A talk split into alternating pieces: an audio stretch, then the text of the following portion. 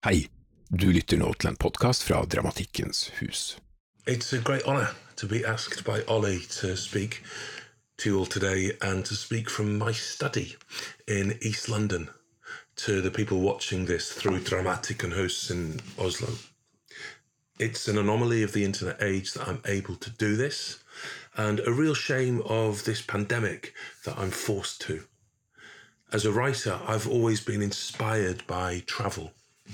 I think there are analogies for me between travel and theatre. It sounds narcissistic, but I think it's true that just as to a real degree, I go to the theatre not to learn about the world, but to learn about myself. So I travel not to learn necessarily about where I'm going to, but to learn about where I've come from. This last nine months has been a time of stasis and stillness. And while much good has come out of that for me, I've written new work and taken up things like jogging and meditating for Christ's sake. I can't wait to be able to see those countries, those cities that I love again. I would very much consider Oslo to be such a city and Norway such a country. I first visited Norway in 2010 when I spent the night eating and drinking with Patrice Chéreau and Jon Fosse after I translated Fosse's play I Am the Wind that Chéreau was set to direct in London and Paris. It was a night that started out terrifying as I was about to have to not make a total knob of myself in front of two of the greats of European theatre, and ended up being beautiful as we wandered Bergen. And myself and Fosse drank in the hotel bar until the early hours. I first worked at Dramatikkens hus later that year when I was running a workshop with the British director Ramin Gray, who was directing a reading of my play Motortown the energy and vitality and internationalism of that workshop was something that I treasured. And I am sad because I know that would be what I would be getting out of this evening if I'd been able to come to your city. And instead, I'll spend the next 40 minutes talking into my webcam. I've done a lot of that over the past nine months. Ole asked me to deliver this lecture in July. While I accept that part of my motivation for accepting his offer was because I was so galvanized by the possibility of travel, I was also fascinated by the provocation of delivering a lecture about another playwright. I was tickled that that Sibylle Berg, another European giant who I have drank into the early hours with one time, there is a pattern emerging here. Uh, Sibylle delivered her lecture about the playwright Sibylle Berg. Uh, but uh, while I was tickled by that, I've decided not to do that. I didn't want to deliver my lecture on the playwright Simon Stephens, p- partly because I've always worked from the position that, in fact, writers don't necessarily know themselves or their work with any kind of clarity, but also because I am and have always been a hungry reader of other people's plays. When I was the resident dramatist at the Royal Court Theatre in London in 2000, I started the habit of reading a play every day. It was a habit I sustained for about six years. In that time, I must have read, I must have read mathematically upwards of a thousand plays. Every time I read a play, I think it makes me a better playwright. One of the things I most love about writing for theatre is the age of the art form. This year, classic coronavirus behaviour. This year, I alphabetized my plays. It tickled me that alphabetically, the first playwright was also historically the first surviving playwright. It strikes me that since Aeschylus, and his peers wrote their first plays, every playwright who has written has been involved in a conversation with one another. On occasion, that conversation becomes heated or even hostile. We define our ideas in opposition to one another. On other occasions, it's like we whisper love poems to one another. We read with awe and respect and admiration and are energized by one another. That is definitely the case with the playwright that I want to speak about today the British playwright Debbie Tucker Green. It's important for me that I say two things before I continue. Firstly, I love academics. I love the clarity and insight uh, which academics bring to theatre in particular. I've learned a massive amount, not just about theatre uh, in general, but specifically about my plays from theatre academics. And secondly, to say that I am not one of them. I lack the socio-economic intelligence and understanding of literary theatre, of literary theory, I beg your pardon, to talk about Debbie Tucker Green's work as an academic. So I'm not going to try and do that. I am going to instead talk about her as one playwright to another, one playwright about another, playwright to playwright. I'll talk about the love letters effectively that I would write to her the things I would steal from her. I always say when I'm working with young writers, I always try and encourage them to not read as fans and not read as academics, but read as thieves. And I definitely read Debbie's plays as an active thief. The arguments I may have with her and what she teaches me about my own work. I am, in fact, going to talk about the specific experience, not not not of seeing her plays, and I have watched her work consistently over the last decade but of reading her work. Even more specifically, I'm going to talk about the peculiar experience of reading all of the plays of Debbie Tucker Green in the space of a month towards the end of 2020. I don't know if I have lived through a more remarkable year than this year. Man, you thought 2016 was memorable.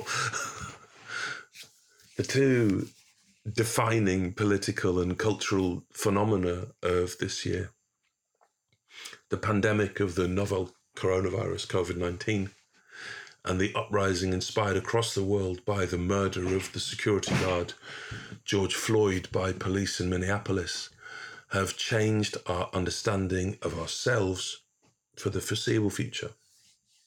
They also refract in ways that are at times illuminating and other times heartbreaking the plays of Tucker Green. I first met Debbie in 2000, my residency year at the Royal Court. She was the stage manager on Stephen Daldry's production of Caryl Churchill, Caryl Churchill's play Far Away she started working regularly at the court in that capacity of stage manager from that time, and our paths crossed often. After a while, word got around that she was a writer as well, as well as a stage manager, and, and, and that her plays were in some way striking. In my memory, in my memory, I think this is true. I asked other people if I could read copies of her plays, and on doing so was excited by the palpable presence of a writer working in a way that's very different to me, but examining similar questions from a sympathetic perspective. We lived in the same area of London, the East End, we still do, the border between Bow and Stratford, and would on occasion get the tube home together. We were writers of a similar age in the same early years of our work together. And as our working lives developed, we ended up working with a handful of the same collaborators. Over the course of the last two decades, we've worked with some of the same actors or some of the same directors and at the same theatres. Finally, we both took posts as associate playwright at the Royal Court. Over the course of 20 years, our writing lives have danced around one another in a way that makes me quietly proud. we share some approaches to the function of the playwright in the broader theatre ecology. Both of us have spent a lot of time working with younger writers, for example, and taking that work very seriously. We have real differences too. One of Tucker Green's characteristics most discussed in the theatre world in the UK is her privacy. She hasn't done an interview about her stage work since 2005. She refused four times to take part in the podcast interviews that I present. The Royal Courts Playwright podcast. We asked her four times. She turned us down every time. She certainly wouldn't engage in a lecture about her own work. It's a real privilege, therefore, to be able to speak to you about her and share my enthusiasm for the work that she's made. I'd nearly finished writing this lecture when it struck me to ask um, Ole how many of her plays had been produced in Norway. She's one of the most celebrated living playwrights in the UK. And the recent tradition of playwrights' work being exported left me confident that her plays would be known there. I was surprised when Ole and my agents told me that, in fact, none of her plays have been produced in Norway, and that she isn't, in fact, represented by any agency in Scandinavia. I was even more perplexed when my German agent told me that the same thing was true in the German speaking world. So I thought I should give you guys some, some kind of context too, to in effect ask the question who is Debbie Tucker Green? not just talk about how her work affects me or inspires me. Tucker Green's first professional plays, Born Bad and Dirty Butterfly, were staged in London in 2003 at the Hampstead and Soho theatres, respectively. On the back of their success, she won the 2004 Olivier Award for Most Promising Newcomer. In the 15 years that followed their debuts, she wrote 10 more plays that were produced at the National Theatre, the Royal Shakespeare Company, the Young Vic, and with Stoning Mary, Truth and Reconciliation, Hang, Ear for Eye, and a profoundly affectionate devotion to someone. Good title, great title, all at the Royal Court Theatre. Her massively celebrated one person show, Random, originally also staged at the Royal Court, was produced as a TV film for Channel 4 and won the 2012 BAFTA for Best Single Drama and the Black International Film Award for Best UK Film. She also wrote and directed a feature film, The Second Coming, which may be the most accessible of all her work to a Norwegian audience in terms of being able to watch the thing. I recommend it. It's a quiet, haunting film about a virgin birth in contemporary London. Between 2003 and 2010, she worked with some of the most exciting directors in British theatre. Since 2011, she started directing her own work.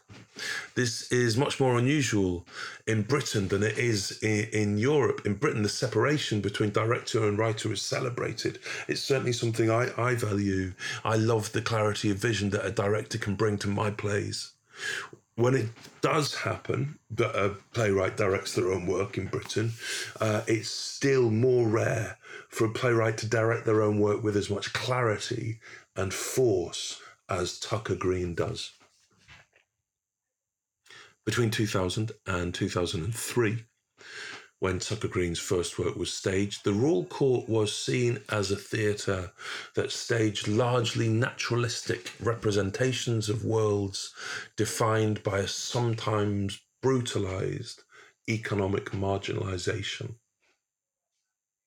My early plays for theatre, Herons and Country Music, for that theatre, could definitely be described in that way. The drama of those plays came from the inarticulacy and rage with which characters struggled to make sense of the injustice of economic iniquity. They were typical of the plays that that theatre was producing at that time. The ask made by most plays in Britain at the time of actors, the ask made of actors was to pretend to be another human being with as much imagination and commitment as they could. The job of the director and their artistic team was often to simply release or stage the imaginary world that the playwright described. Tucker Green roared into this theatrical context with plays which were formally audacious and thematically searching. She created spaces that were more forum spaces of tribunal than imaginary worlds staged with precision. Her characters barely had backstory, her offstage worlds were thin backstory and offstage worlds were the essential investigation of many British rehearsal rooms at that time. Tucker Green's plays denied that investigation.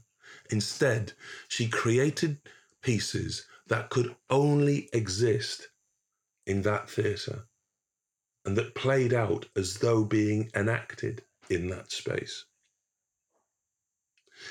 At the time, there was an explosion of new writing courses in theatres throughout the UK. I ran one at the Royal Court, the Young Writers Programme. There was in the worst of those courses, a deep set assumption that creative writers, especially it has to be said, writers who may have been marginalized from the theatre culture by dint of their identity, their gender, sexuality, race, especially their colour, should write what they know. It's a problematic uh, provocation, I think, that can lead to a kind of voyeurism. Theatre becoming a kind of diary or or journalism. Tucker Green, like the finest writers, took that provocation and exploded it. She may have started with worlds or experiences that were familiar to her, but from them she created thrilling theatrical metaphor. Whether writing about the sex trade of the Caribbean, or the AIDS crisis in Africa, or the nature of love, or issues of mental health in families, or a theme that has defined much of her most celebrated work the human costs of police brutality and gun crime in the black British communities of London. There has always remained this formal spareness and purity and this emotional rage and capacity for the metaphor. I don't want to describe all of the 11 plays that Tucker Green's written this century. I urge you to find them and to read them and to produce them. Seriously, if there are any producers watching this, produce the plays of Debbie Tucker Green. If her work resonated before the murder of George Floyd, I promise you it seems shatteringly prescient in its wake. Instead, I want to consider characteristics of my reading of her work in the past few months. I want to talk about seven things I came to understand about playwriting and my own plays after reading Debbie, Tucker Green's plays at the end of 2020.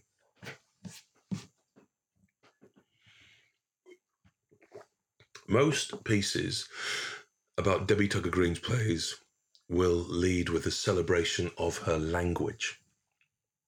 Linguistic deafness is a characteristic that has been celebrated in British theatre. The only theatre culture that I know of where the assembled public gathered together for the occasion are described not as a public or as spectators, but as an audience, a word taking its root from audio. Uniquely in Britain, people come to hear plays. They don't use that verb so much anymore, but they did in Shakespeare's time, in in, in, in Ben Jonson's time, um, in in Samuel Johnson. Uh, Samuel Johnson's time, Samuel Pepys' diary, he would talk about going to hear the new Shakespeare play. And the, the centrality of the sound of words remains strong in our theatre aesthetic. Tucker Green's language is celebrated for the precision and clarity of her ear in noting the rhythms of speech of Afro Caribbean London communities. She writes with an ear to the urban ground, for sure. But to only celebrate this capacity, this capacity to hear the words around her, this capacity to capture urban idiom, to only do that, not only does Tucker Green a grave disservice, but I would argue seems to pointedly misread her plays. Consider this passage from her 2015 play Hang, directed by her at the Royal Court. Hang is a play set in a Britain, an imaginary Britain, in which capital punishment has come back into law. And the relatives of murder victims get to choose the method of killing the people who have killed those they love. In this play, a woman has come to choose how the killer of her son should be killed by the state. She asks the municipal clerks charged with managing her. You tell me what to do then when my kids drown in their tears, when they flinch from my own touch. You tell me what to do then when they are inconsolable, when it is unexplainable, when I am lost for words, when speaking softly scares them, when my silence hurts them, when my words are wrong, when a raised voice has outrageous repercussions, when they've seen their dad damaged, their mother motionless, our marriage disfigured, our family fucked. This is not well observed idiom carved out of contemporary black lives. This is as close to poetry as British contemporary theatre gets. Tucker Green herself acknowledges the importance of music in her writing. Her plays are soaked in music, all of them, but her language sings. Consider the half rhymes of inconsolable and unexplainable. Consider that alliteration. How many playwrights in British theatre use half rhymes or alliteration like that when speaking softly scares them? The rolling R's around a raised voice has outrageous repercussions. The force and rhythm of family fucked. It's part of a speech that runs onto three pages as the mother carves out her soul of rage. Tucker Green's work is graced with language like this. The words she repeats and ends with are often clues to the truth of her investigation. Her monologue, Random, is a play that remains one of the most arresting studies of the emotional catastrophe of the death by knife crime of young black British boys. It reads at the end of 2020 like a hymn of pain. Random ends with one word, reiterated over and over. Right. Right. Right. Right.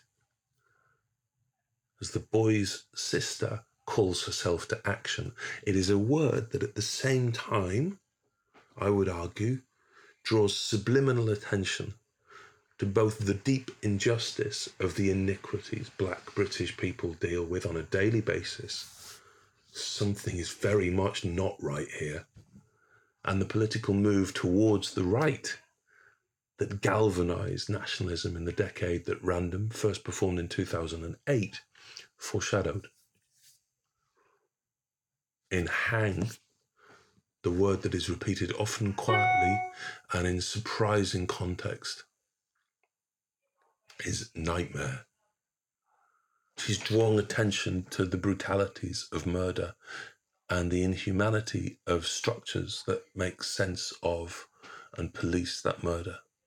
The nightmare runs deep in British public life. One of the linguistic devices that is starkest on the page of a Tucker Green play is her insistent use of repetition. In a profoundly affectionate, passionate devotion to someone, as gentle a play as Tucker Green has written, and an exquisite study of love across three generations, characters return to the observation that their partners aren't listening to them. The thing is, you don't listen. You look like you're looking now.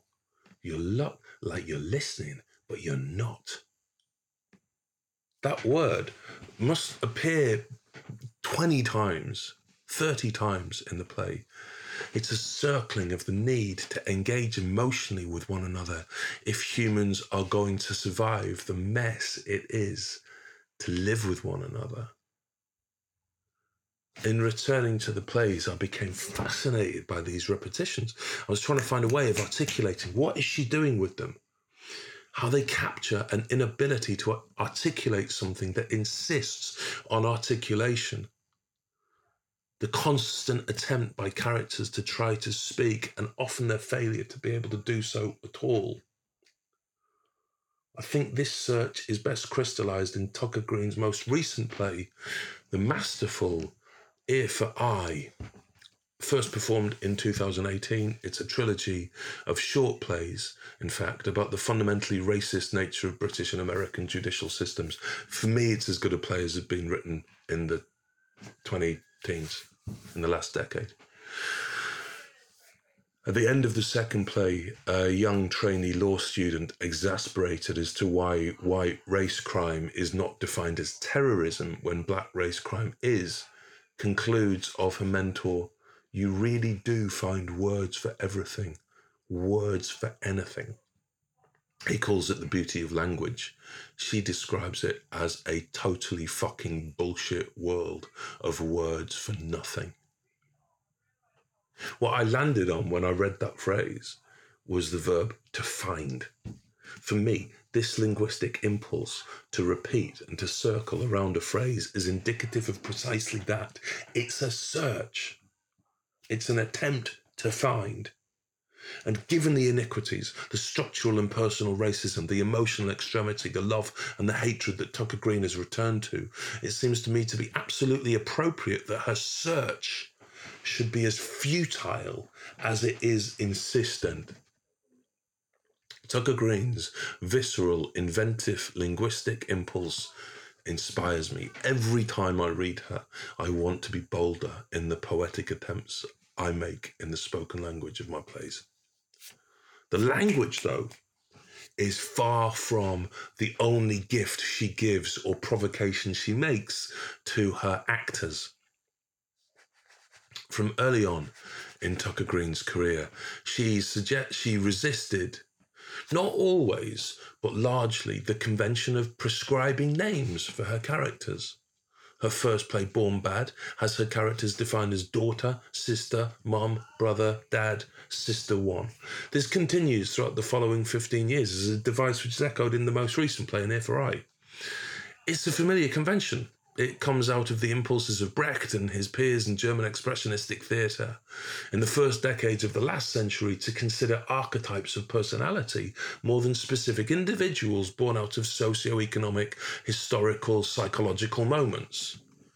There's always a tension in Tucker Green's work between the deep specificity of her characters, worlds, and experiences, and, and this impulse to define them as types rather than psychological entities. There's this contradiction, this tension. They appear like they're individual characters, but she defines them as, as forms or as types. I can only speculate as to why that is, but I think it sits somewhere deep in her explosion of the extent to which her identity is predefined. If you are black in Britain in the 21st century, or a woman in Britain in the 21st century, regardless of the decisions that you make or the experiences that you have, there are fundamental elements of your identity imposed on you by your culture, which will override your psychological individuality in the way that it's being read by that culture. Perhaps, perhaps this is what she's digging into. In other plays, there are further explorations of exactly what an actor is for and, what, and, and what an actor is to do. Random asks one performer to play at least five different characters as she explores the grief and love at the heart of the killing that the play dramatizes. Just, actors got to play the, the victim's sister and his father and his teacher and his mum. The provocation achieves with clarity and simplicity the objective of preventing the performer from sentimentalizing the killing that she describes. The performer can't emote the grief of the sister when she has to reach for the rage of the father in the next line or the clarity of the teacher. In two plays, both produced in 2005, Stoning Mary, directed by Marianne Elliott at the Royal Court, and Trade, directed by Sacha Wares at the Royal Shakespeare Company, Tucker Green is provocatively, brilliantly playful with the colour of her casting. Trade is an exploration of sex trading on the beaches of the Caribbean. She has three black actresses to play the part of three white women. The colour casting holds a defiant mirror to an audience.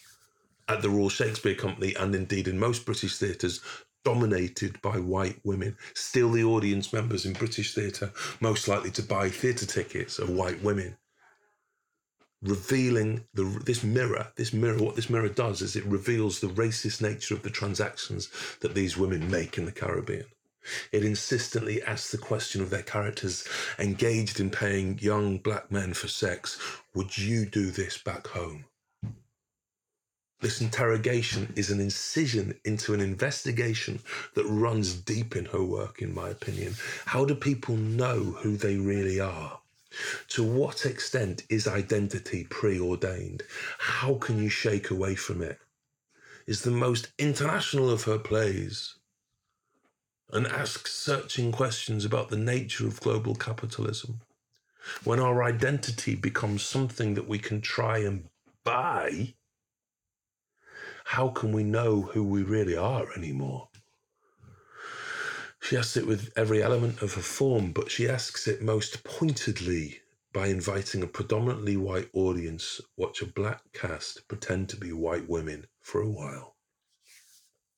She inverts this in Stoning Mary. Stoning Mary is the first of her plays to adopt a multi stranded narrative structure. She sets up three or four stories in parallel in a country that is defined by those many crises familiar to our understanding of contemporary Africa. A couple argue over the prescription for AIDS medicine. Another couple lament their son has become a child soldier. Their daughter kills the soldier and is sentenced to death by stoning. The play takes place in a broken continent defined by child soldiers ravaged by AIDS and legislated by brutality, but this is not Africa. Tucker Green subverts our expectations by casting an entirely white cast. Again, she's holding up that inverted mirror. Again, she is revealing the fundamentally racist expectations her largely white audiences will make of the disaster of a post colonial world, simply in the provocations she makes for her actors when the condemned girl Mary is visited by her sister before the execution, they play a childlike game of if you were me and I were you. If you were me, I wouldn't visit you. If you were me, I'd ask somebody else to visit you. this playful, provocative, and deeply political question is precisely the question she poses to her audience. If you were me, what would you do? I think if I were to steal anything from Tucker Green, it would be the way she uses her performers. With gestures like the gesture that sits under Trade and Stoning Mary, she creates an event which is finally and purely an event for the theatre. in most of my plays, there is the defined attempt at a character and the ask uh, that I talked about earlier has been made of the actor to commit to imagine what it's like to be that character for a while. I can't help feeling that there is something bolder and more daring in Tucker Green's use of her performers, and that she places her provocation of empathy somewhere more complicated. She's not asking the actors to carry out the work of imaginative empathy. She's not asking in the way that I am her actors to really commit to imagining what it would be like to be somebody else for a while. She's asking the audience. I mean, we're all doing that to a degree, but I think Tucker Green does it in her very form. The playful provocation of Tucker Green's work is as much as deep in its language and in her characters and in the content she tells stories of racism, stories of love, stories of families paralyzed by structure that damages them. But it's richest in that use of form, I think. in all of her 11 plays, there's only one scene, the last scene in her second play, Dirty Butterfly, in which she asks a designer to mimetically recreate an imaginary real world. This impulse that has variously been defined as either being naturalism or realism.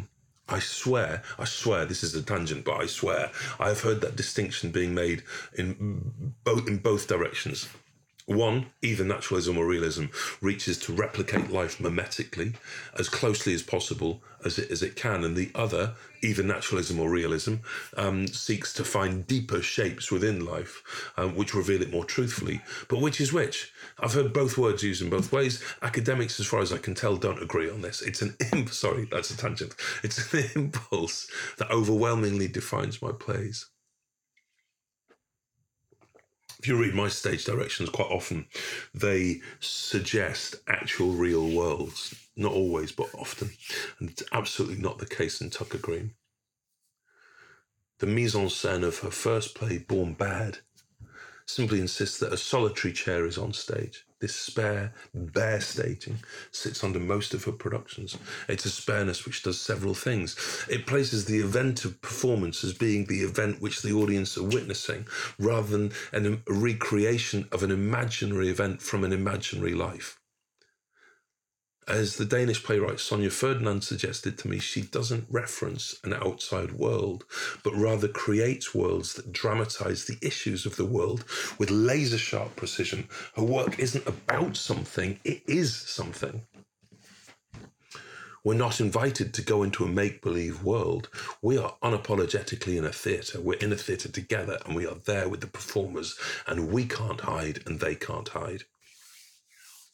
It is something she emphasizes, I would argue, with the multiple stranded structures that invite, rather than exits or entrances, the performers to stay on stage throughout. It may be another technique from Brecht, but she doesn't use it, as Brecht sometimes does, to distance the audience from the emotional force of her politics.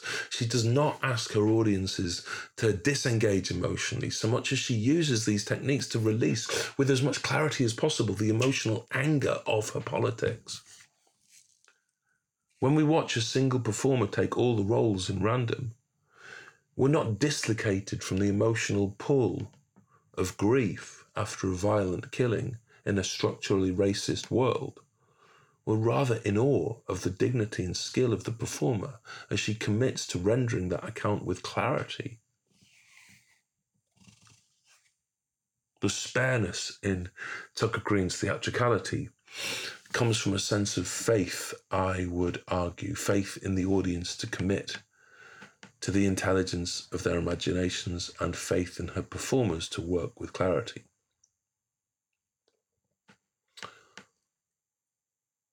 There's a startling formal subversion of this in the third part of for Eye, in one of the most audacious theatrical gestures of her writing to date. Tucker Green removes all the actors and all the set from the stage and shows us film instead.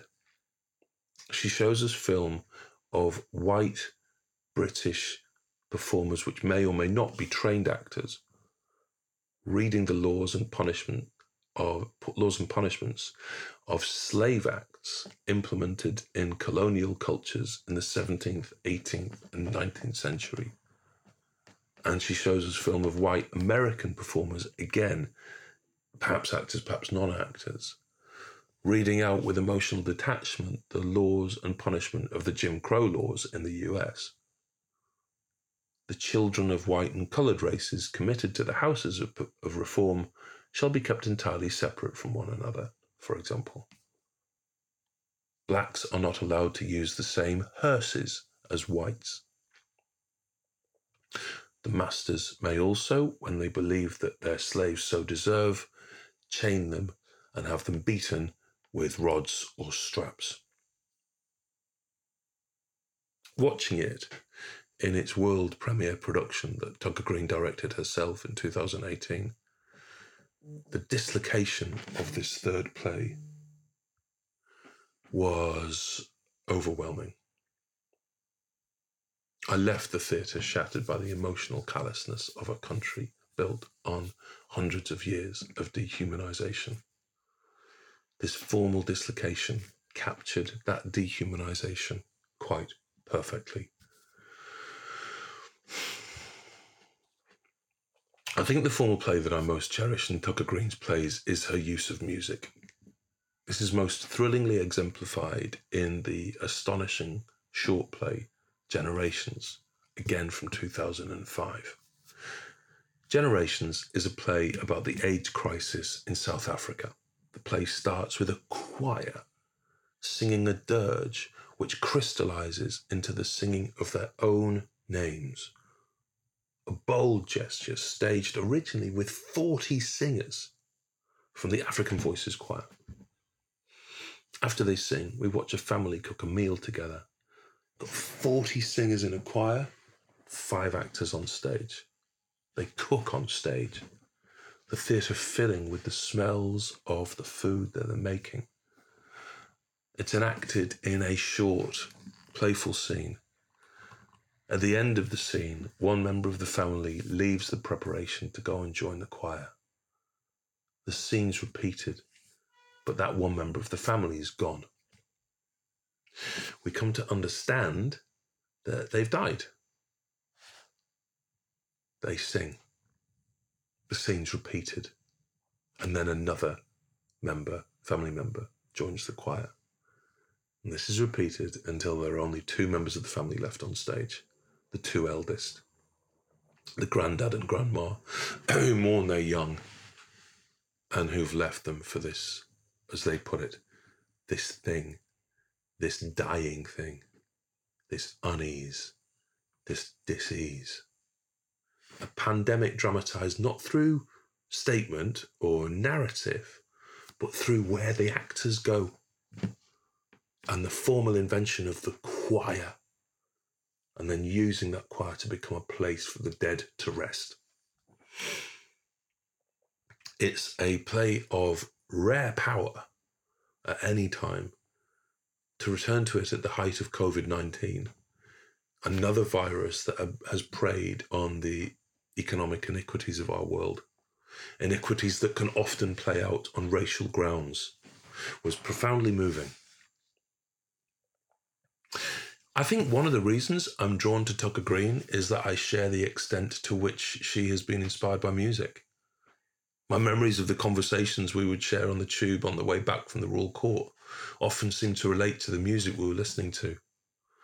For me, music is the most emotional of all the arts, and theatre at its best aspires to the state of emotional purity of music. I'm in awe of the way that she's incorporated music into the dramatic essence of her work with such imagination. I think it's the level of emotion in Tucker Green's plays that allow the linguistic and formal experiments she engages in to resonate with me so powerfully.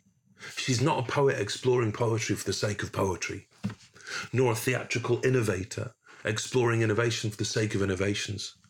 She explores form and language because she is searching for the clearest possible way to capture the emotional truth of what she's trying to make sense of. When I think about my position in British playwriting in the start of the, this century, I think if I brought anything to British theatre, it was the family. I followed a generation of writers I admire greatly Sarah Kane, I revere, uh, Anthony Neilson, Mark Ravenhill, who was sta- they were all staging a form of orphaning. Their plays rarely, if ever, had families in. Their children would either be theatrically orphaned or actually orphaned. With my early plays, I put parents and kids on stage together. One of the things I most cherish in Tucker Green's work is that she does the same thing. Tucker Green's families are not safe or secure spaces.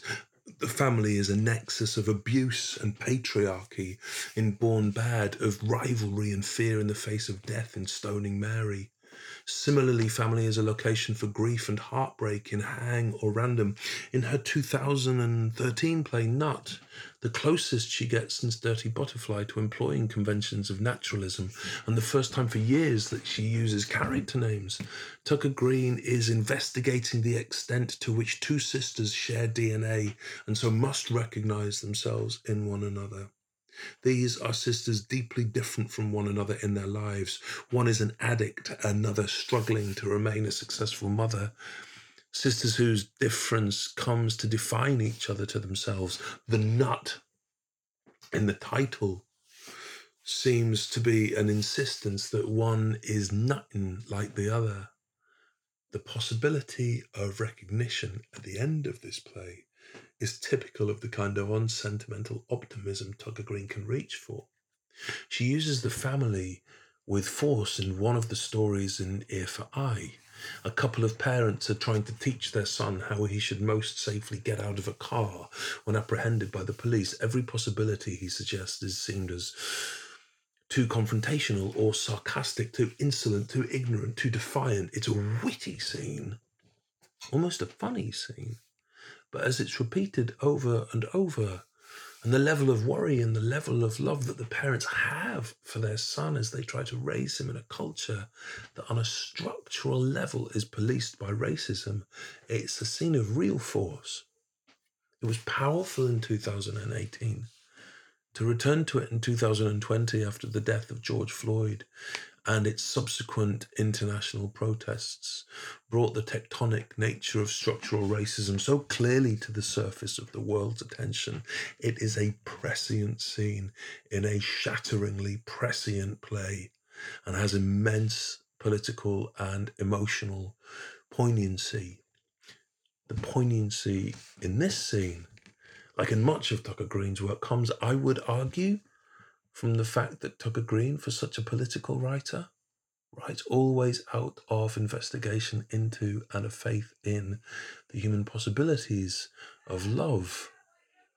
Even when that love is spoiled, as in Born Bad, grieving, as in Hang and Random, or commodified by global capitalism, as in Trade, is deeply present her play, A Profoundly Affectionate, Passionate Devotion to Someone, takes its very title from the dictionary definition of love.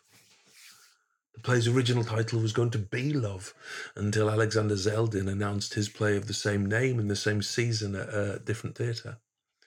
That she chose the dictionary definition seems to typify Tucker Green is a playful decision. It's an analytical decision. It's also a decision that doesn't lose the idea of love as its central core. It's a play that is in some ways my favourite of hers. It playfully returns to two couples. In the first half, she charts the life of a couple as they break up, get back together, have a family, break up again, and then one of them dies. In the second, she charts another couple falling apart. In the third, the part of the husband of part two gets together with the daughter of part one. She writes with such physical intimacy and emotional honesty that on returning to it, it made me cry. There's one moment when the husband, talking to the ghost of his wife in part one, says he wishes he had died instead of her, or even that their children had died instead of her. That is as tender as it is stark a profoundly affectionate, passionate devotion to someone is one of two plays of Tucker Green's where she uses the device of ghosts she first used it, I think, in the first play that she directed herself, Truth and Reconciliation, from 2011, a multi stranded, multi narrative exploration of the emotional ravages of war and terrorism, the most globally political of all of her plays, in which the guilt of a war criminal is staged by the omnipresent ghost of his victim. I'm a sucker for ghosts ghosts work so well on stage, maybe more beautifully on stage than they do on film, because we we know that a ghost on stage is not real. We have to locate it, like with all great theatre, and certainly this is an obligation that defines Tucker Green's theatre in our imaginations. This year has surely, as much as any year I have lived in, been a year haunted by ghosts. We've stayed in, we've avoided one another only glancing at one another through the corners of our eyes. We've wondered what is going on behind the closed curtains of the houses that we pass. Maybe this is why I would say, perhaps, that a profoundly affectionate, passionate devotion to someone is my own personal favourite of her plays, and the one that most moved me to return to. Or maybe because it is a play so touched by consideration of how we love and how we die.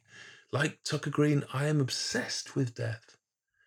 All of my plays, I think, finally, are an attempt to dramatize how humans can possibly live with the consciousness that they know they will die, but they don't know how or when or what happens next. And I think a similar existential fascination sits in Tucker Green's plays. In the fear of ear for eye, the grief of random and hang, and in the guilt of truth and reconciliation, as well as in the love of a profoundly affectionate, passionate devotion to someone, I also wonder, and this is a thorny thing to wonder about, a difficult thing to think out loud about, and a fundamental thing to think about at the end of 2020 that the rain, main reason profoundly might be my favourite of her plays is because it is the one that least concerns itself with racial identity. And as a white reader, I find on an unconscious level there to be something comforting about that. In my opinion, there is no playwright that has so imaginatively and so fearlessly excavated themes of racial politics in contemporary Britain with as much brilliance, formal brilliance, linguistic brilliance, and emotional and intellectual brilliance as Debbie Tucker Green the clarity and compassion with which she captured in random the iniquities of a city like London, where young black men are as likely to die at one another's hand and to be allowed to die, and for those deaths to be repeated as they are by any other means, is not comforting for a white reader or a white audience member at the end of 2020. At the end of that play, the young boy's sister explores his bedroom. She's broken by the sense, the smells, the tastes, the touches of the untouched room that belonged to her now dead brother. She talks about the posters he puts on the walls. And his heroes look on from their pinned point of view as young and black and dead as he is now fuck this cycle of shit. The rage that defines hang has nothing comforting about it.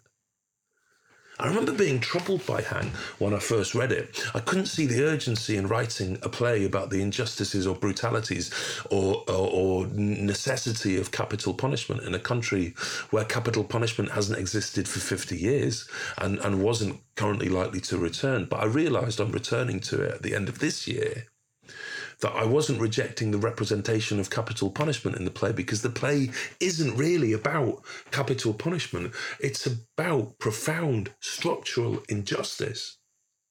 The injustice of the fact that more young black men are likely to die from murder than young white men. And that no matter how hard the state tries to handle this, either with care, bureaucracy, or punishment, it has failed to address the root unfairness. It is the same unfairness that underpins a lot of Ear for Eye. I think it sits in her fascination with the possibility in plays like Born Bad or Dirty Butterfly, with with the evil might be innate. When living in a white patriarchy, like the white patriarchy of the UK or the US, or perhaps of Norway. Those iniquities and injustices are so historically deep set and unchanging and render individuality irrelevant to such a degree that they can feel innate. Perhaps evil feels innate. Perhaps it seems that people are simply born bad. Maybe this is the only explanation for the continuation of the inequality that defines such culture and has defined it for so long. In her form, language, world, theatrical gestures, and stories, it strikes me this is what Tucker Green has addressed over and over. There's nothing comforting about it. There's nothing comforting in a profoundly affectionate, passionate devotion to someone either, nor in the fact that I should land on that as the play that has moved me most. She's the writer who has made me think more about race and about my race than any other has. To reread her at the end of a year in which the brutal injustices of pandemic have played out all over the world and after which the death of a security guard in Minneapolis worked as a brief and horrifying reminder of the injustices which some of us would benefit from, however much we might fight against them, was a startling and urgent experience. Most moving of all is watching a writer wrestle with the most humane response to such iniquities. There are some plays Nut is one, hang perhaps another, the final word of which is sorry.